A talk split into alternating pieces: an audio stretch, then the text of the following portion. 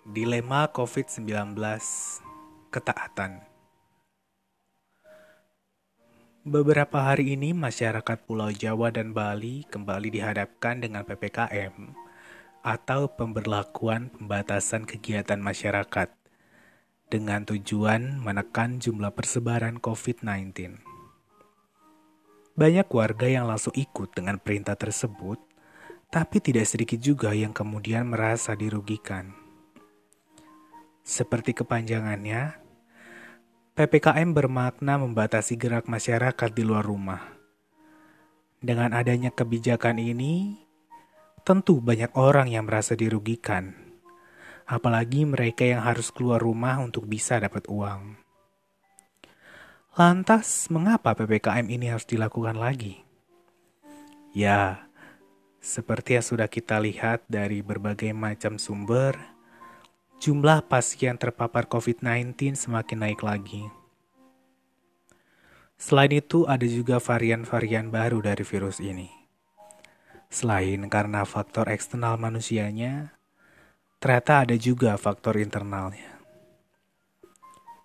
Khususnya selama era new normal, ada banyak sekali orang yang akhirnya menyepelekan COVID-19 dengan tidak pakai masker, sudah tidak rajin lagi cuci tangan, sudah berani berkerumun, dan masih banyak tindakan penyepelean lainnya.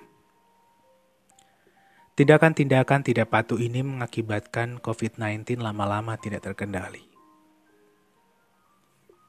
PPKM sebetulnya melatih kepatuhan masyarakat, walaupun di sisi lain memang akan ada banyak pihak yang dirugikan karena mereka kehilangan penghasilan.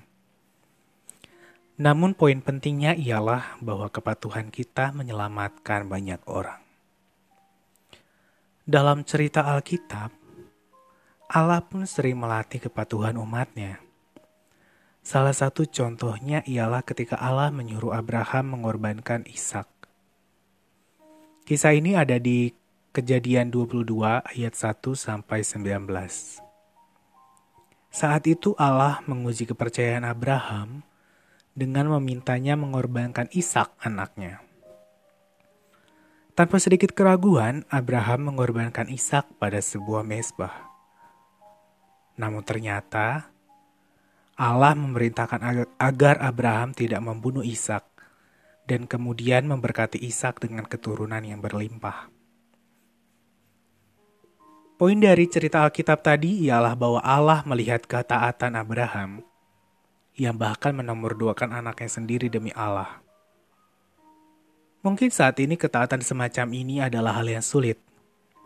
Ketika kita diminta untuk taat pada aturan protokol kesehatan, tidak jarang kita membantah atau bahkan membuat keputusan sendiri.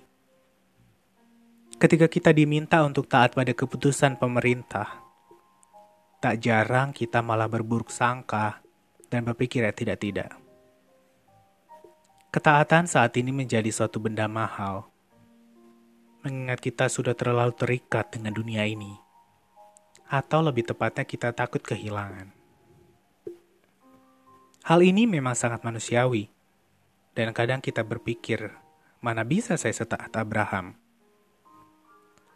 Teladan ketaatan yang lain ialah yang dicontohkan oleh Yesus sendiri ketika ia hampir tidak sanggup menahan beban derita yang harus ia tanggung.